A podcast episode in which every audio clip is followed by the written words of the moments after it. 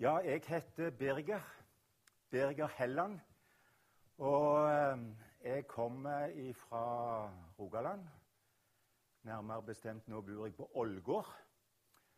Eh, jeg har i eh, det meste av mitt voksne liv har jeg arbeidet ved Misjonssambandet sitt hovedkontor i Oslo.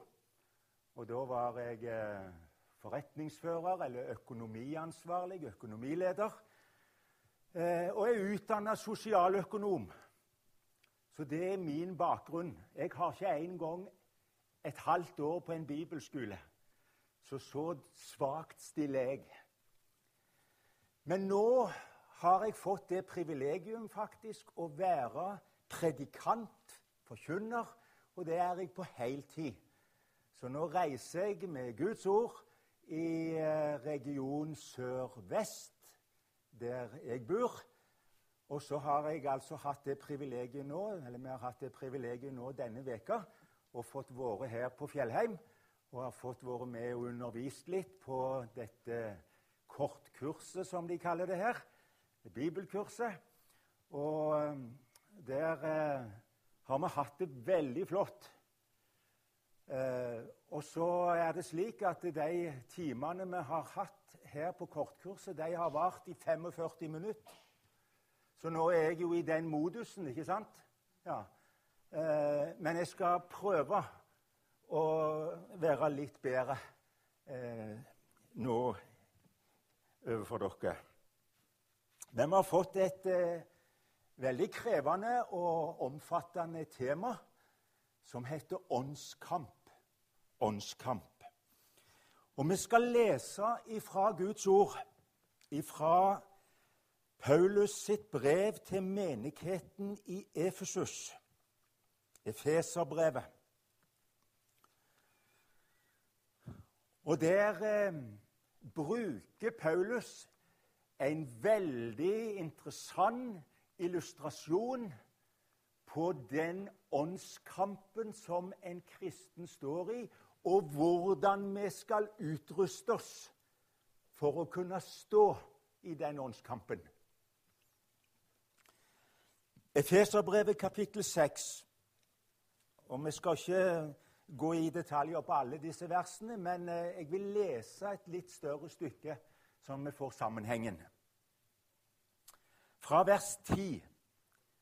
Efeserbrevet 6, fra vers 10. For øvrig, bli sterke i Herren og i Hans veldige kraft. Ta på dere Guds fulle rustning, så dere kan holde stand mot djevelens listige angrep. For vi har ikke kamp mot kjøtt og blod, men mot maktene, mot myndighetene, mot verdens herskere i dette mørket, mot ondskapens åndehær i himmelrommet. Ta derfor Guds fulle rustning på, så dere kan gjøre motstand på den vonde dag å bli stående etter å ha overvunnet alt. Stå da ombundet med sannhetens belte om livet, og vær iført rettferdighetens brynje. Ha som sko på føttene den beredskap som fredens evangelium gir. Grip fremfor alt troens skjold som dere kan slokke alle den ondes brennende piler med. Ta frelsens hjelm og åndens sverd, som er Guds ord. Be til enhver tid i ånden med all bønn og påkallelse. Vær årvåkne i dette med all utholdenhet i bønn for alle de hellige. Amen.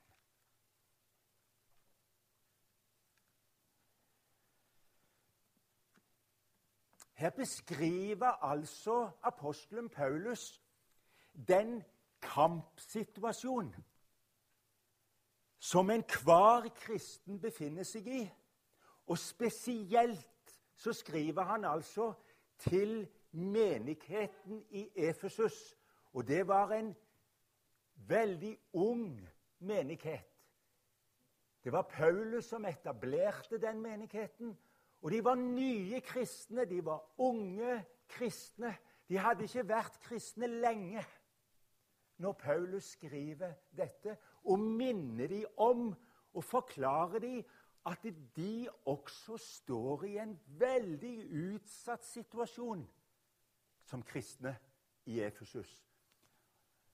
Og Efesus det var faktisk en veldig lite kristen by, for å si det enkelt. Ja, det stikk motsatte. Det var en veldig skitten og urein by der det foregikk mye avgudsdyrkelse. Det var mye prostitusjon og ugudelighet i Efesus. Og de kristne som befant seg der, var i en veldig utsatt posisjon med tanke på det at de var unge og hadde lite erfaring i sammen med Gud.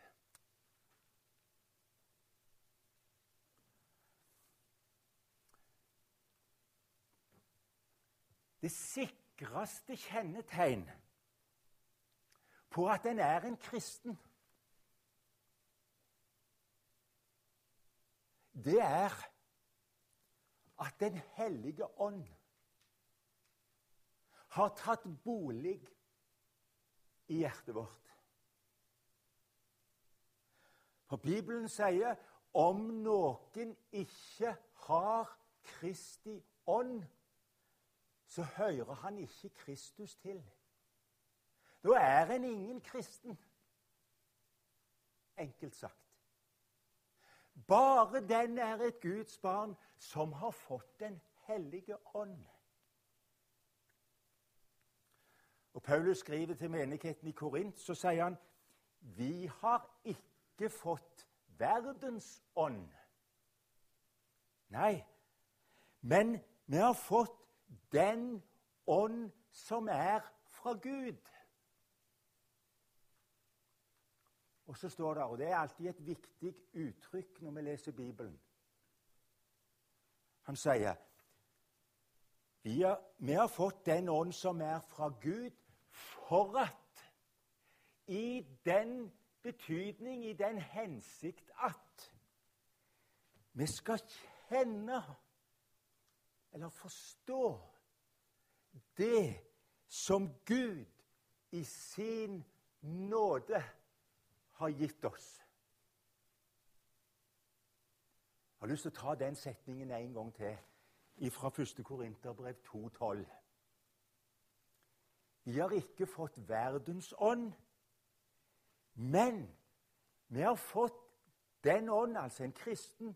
Han har fått den ånd, og der skrives ånd med stor bokstav for å peke på at det er Den hellige ånd.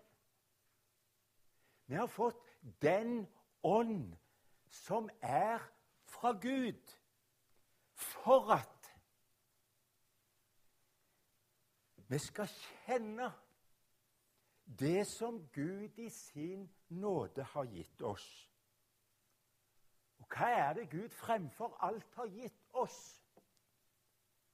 Jo, han har gitt oss sitt ord. Sitt ord. Og vi er så heldige i vårt land at vi endog har Guds ord på vårt eget språk.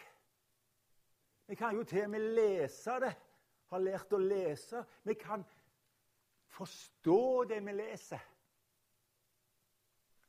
Og så har en som et Guds barn fått Den hellige ånd i hjertet, slik at vi skal kunne forstå og kjenne det Gud har gitt oss.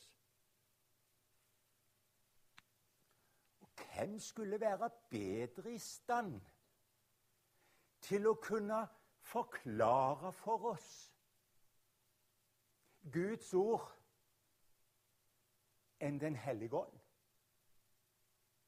Kan du si meg noen som kan være bedre til å forstå og tolke Guds ord enn Den hellige ånd, han som var med og leda profetene og apostlene og evangelistene når de skrev ned Guds ord.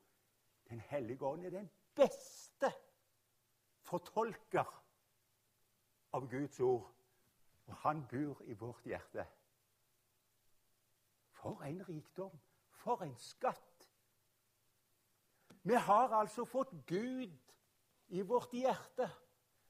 Og han, ved Den hellige ånd, han kan forstå Skriftene.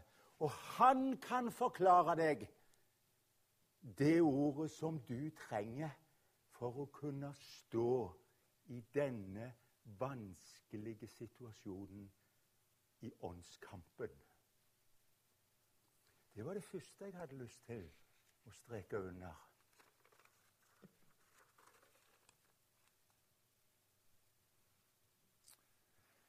Bibelen sier oss videre at syndefallets resultat Konsekvensen av at Adam og Eva falt i synd, det var at ethvert menneske står Gud imot. Elsker synden, og for å si det brutalt har djevelen til far. Det er syndefallets konsekvens. Det er ganske radikalt. Sterke ting. Ethvert menneske Vi kaller det for arvesynd. Ethvert menneske fødes inn i vår verden, og hjertet er i utgangspunktet motstander av Gud. Er Guds fiende. Elsker seg sjøl fremfor alle ting er Guds motstander.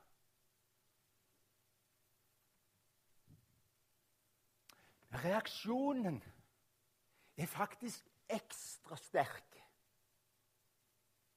mot Jesus.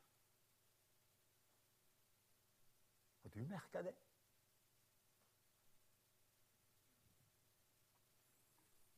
Djevelen hater Jesus. Fremfor alt så hater han Jesus.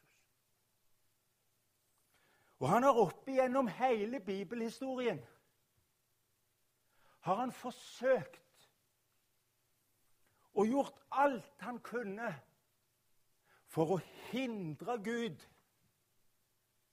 i å fullføre sin frelsesplan ved at Jesus skulle gå til korset.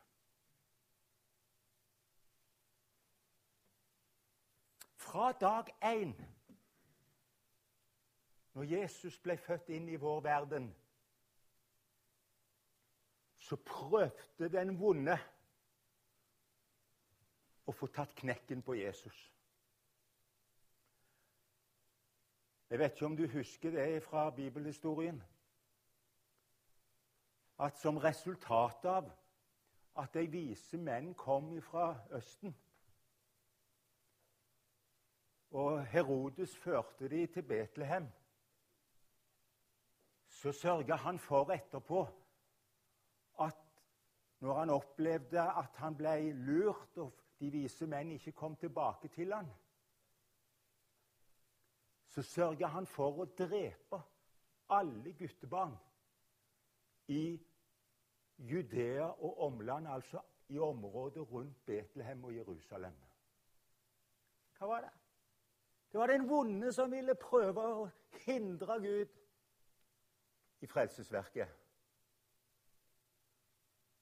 Og vi har på dette kurset vårt nå har vi hatt om Jesu lidelseshistorie. Og Den skal dere snart sikkert lese nå når det nærmer seg påske. Vi er jo i fastetida nå. Så når du leser Jesu lidelseshistorie, så blir du tatt med inn i denne dramatiske kampen som pågår i hele den siste uka som Jesus levde, mellom den vonde, som prøver å hindre Jesus fra å komme til korset. Ja, du hørte rett. For å hindre Jesus fra å komme til korset. En skulle jo tro det at det var det han ville. At han ønsket å oppnå det at du, hvis jeg bare får Jesus hengt på korset så han dør, så jeg, har jeg vunnet. Men vet du hva? Den vonde visste det at dersom Jesus kommer til korset og dør på Golgata kors, så har jeg tapt. Så har den vonde tapt. Derfor hindre, prøvde han å hindre og gjøre alt han kunne for at Jesus skulle slippe korset. Men der, der tapte djevelen. På korset tapte han. Han fikk sitt banesår på korset. Det står i det samme forlengelsen av det verset han leste til å begynne med her i Kolosserbrevet, så står det at det som skjedde på korset, det var at Jesus han avvæpna maktene og myndighetene og stilte dem åpenlyst til skue da han, altså Jesus, viste seg som seierherre over dem på korset. Som seierherre over den vonde og alle hans allierte. Alle hans medspillere. De tapte på korset. Så derfor skal du ta med deg at åndskampen det er primært en forakt som en møte mot Jesus. Og Jesu navn, hans person. Jeg vet ikke, du som er en kristen, om du har kjent på det av og til at du Det er faktisk mye lettere å si at jeg tror på Gud, enn at jeg tror på Jesus. Har du kjent det? Eller har du kjent på det at det å det å liksom bekjenne Jesu navn Det kjenner du det Det er noe sånt anstøtelig. Det er noe ubehagelig. Det er liksom piggende ut hos folk med en gang de hører om Jesus og Jesu navn. Les i avisene. Følg litt med i det som skjer. Hør hvis de forkynner at Jesus er den eneste vei til frelse, så kommer de piggende ut. Hæ? er reaksjon på Jesus, på Jesu navn.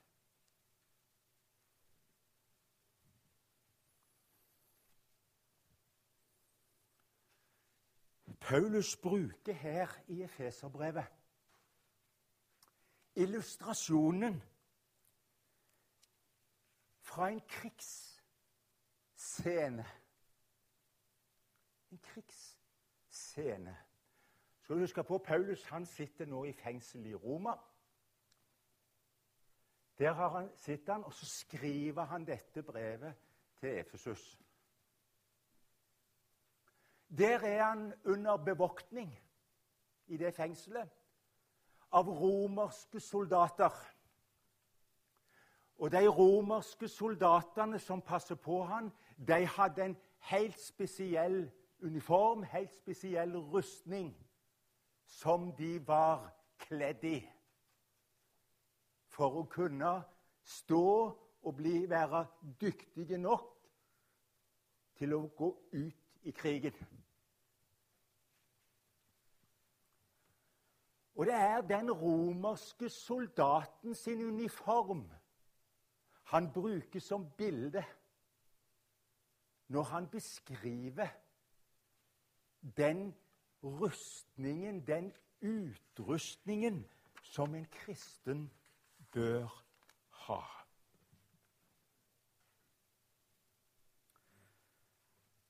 Hør hva han sier. Hvem er fienden? Hør hvordan han beskriver fienden. Det er ganske tøffe ord.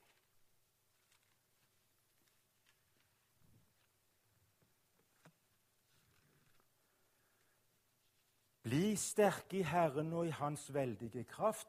Ta på dere Guds fulle rustning, så dere kan holde stand mot djevelens listige angrep. Djevelens listige angrep. Merk deg språkbruken til Paulus.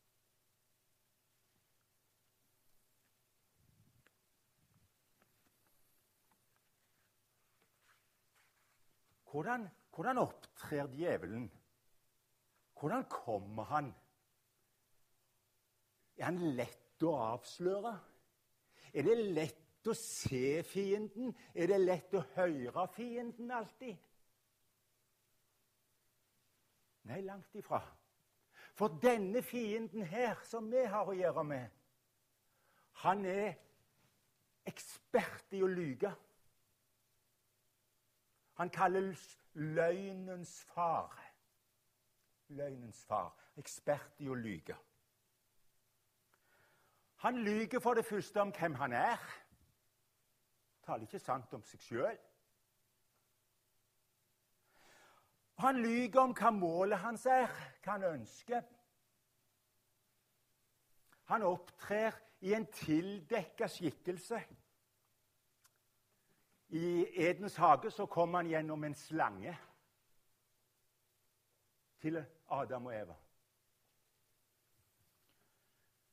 Og Av og til så kom han som en lysets engel, sier Bibelen.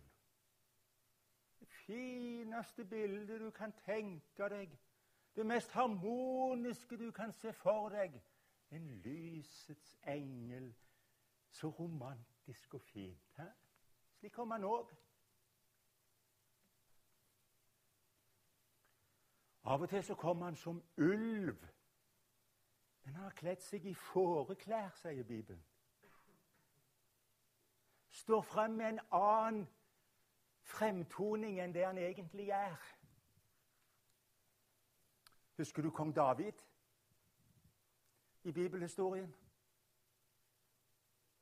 Han kom til David. Hvordan kom han til David? Sa han det. 'Du, David, jeg hater deg.' Tror du han kom sånn? Nei da. Han kom ikke sånn til David. Han kom ved at han appellerte til Davids sine drifter og lyster og vakte begjær hos kongen til endog å drive hor med annen, en annen manns kone. Og denne Uria, som var navnet på mannen til Batseba, han var endog en soldat i Davids sin hær. Sånn kom han til David.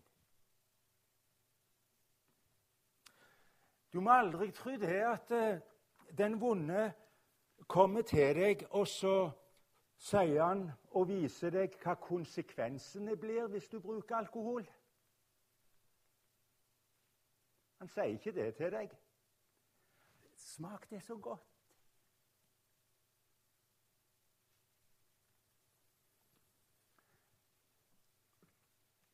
Han kommer ikke og sier hva som blir konsekvensen av utstrakt bruk av pornografi, av pengekjærhet, av umoral, av uærlighet.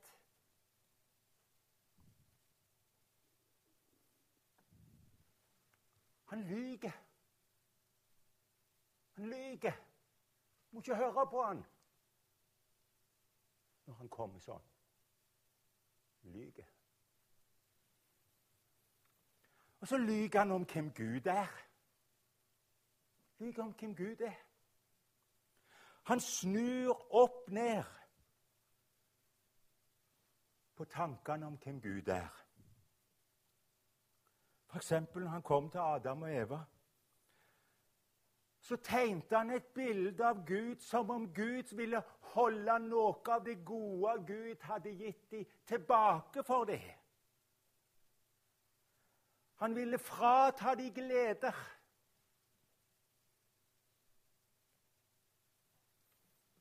Han ville begrense deres frihet. Dere har ikke lov å ete av det treet som står midt i hagen, hadde Gud sagt. Hm? Det er Gud som vil begrense friheten deres. Slik kom den vonde og talte i hagen. Han unner dere ikke gleden av det beste treet og frukten på den. Slik kom og Talte feil, falskt om Gud. Jeg må jo gå fort. Så lyver han om Guds ords absolutte sannhet. Har Gud virkelig sagt, sa han. Han sår tvil om Guds ord for Adam og Eva. Har Gud virkelig sagt?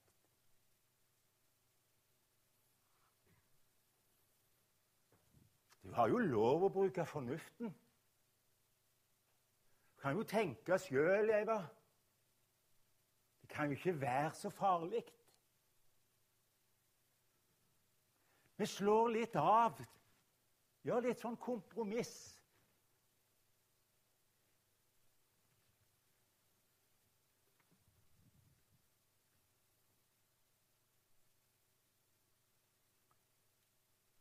Han lyver. Han er en løgner. Og så angriper han deg og meg på så mange ulike måter. Ofte der du er svakest i din personlighet. Kom han til deg. Nettopp på denne måten. Og friste deg til fall.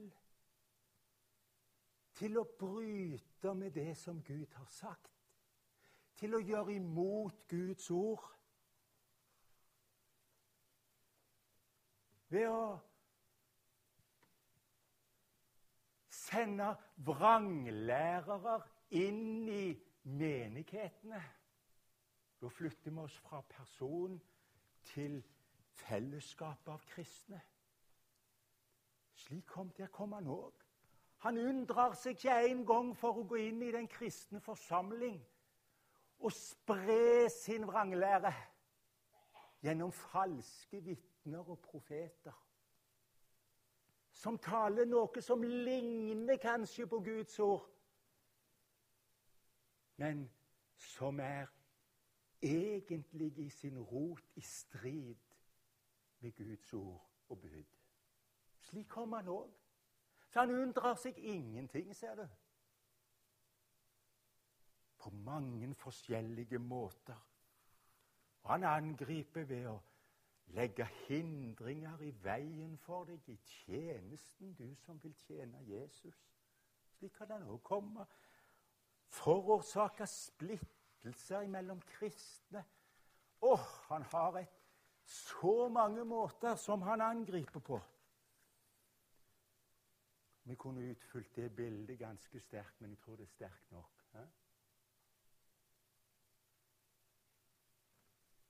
djevelens listige angrep.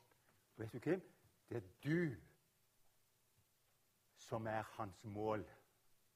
Det er deg han prøver å få tak i. Du som hører Jesus til. Deg vil han ha tilbake. Hva sier Paulus til disse unge, nye kristne i Efesus. Hvordan skal dere møte dette? Hvordan skal vi greie å stå imot en slik forferdelig fiende? Hva kan jeg si? Bli sterke i hvem? Deg sjøl? Var det det sto? Nei. Bli sterke i Herren og i Hans veldige kraft. Bli sterke i Herren. Og Hans veldige kraft. Hvor finner du Guds kraft? Hvor har Gud åpenbart sin kraft? Yes, her. I sitt ord. Guds ord. Det er da maktig. Det har kraft i seg. Det er mektig til å Ja, til å overvinne den vonde. På alle livets områder har Gud talt sitt ord til hjelp for oss. Så nå må jeg si det kort. Bruk ordet i møte med denne motstanderen.